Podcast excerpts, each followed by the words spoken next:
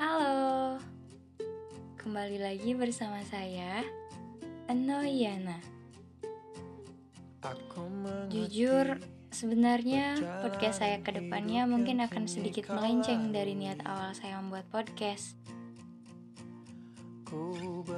Dulu, saya hanya ingin berbagi mengenai pengalaman yang sudah saya lewati selama 17 tahun terakhir. Namun di tahun ini, di tahun 2021, Tuhan mempertemukan saya dengan seseorang yang cukup membuat saya tertarik padanya. Jauh dari ekspektasi saya, di tahun ini saya dapat merasakan bagaimana rasanya jatuh cinta pada seseorang. Setelah bertahun-tahun lalu, saya merasa hampa akibat luka yang tercipta, sehingga membuat saya mati rasa untuk sekedar mencinta. Tapi lagi-lagi, sepertinya Tuhan hanya memperkenalkannya sebagai seseorang yang hanya bisa saya cintai sebatas barisan yang sedang saya tulis. Saya menyebut dia dengan nama Ray. Nama yang sebenarnya tidak asing. Namun sangat candu ketika dia jawab dengan kalimat jawaban sederhana untuk menunjukkan eksistensinya di sana.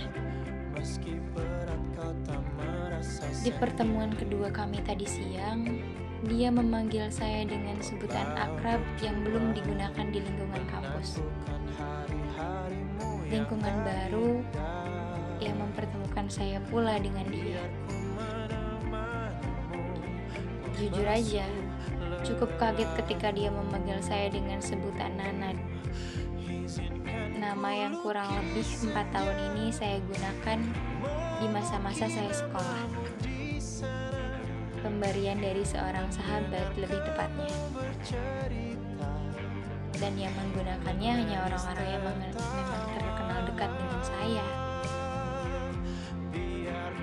Saat saya tanya, katanya lucu aja manggil saya dengan sebutan itu. Dan detik itu, saya ingin sekali berteriak di depannya. Ray, kamu tahu, hati aku gak baik-baik aja kamu ngomong gitu. Tapi apa daya, si cupu itu hanya mampu terdiam dan diam-diam tersenyum kecil sembari menyesap ais americano yang baru saja tiba sebagai pesanannya. Namun, seperti yang sudah saya katakan sebelumnya, perasaan saya hanya berbatas pada tulisan yang saya tulis.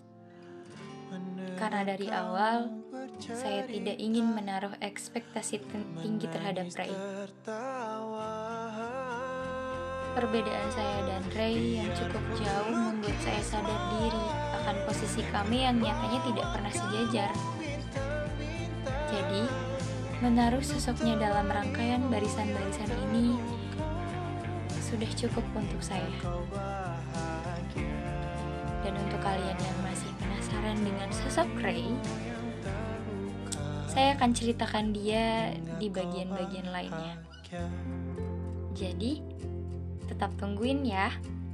Sampai jumpa.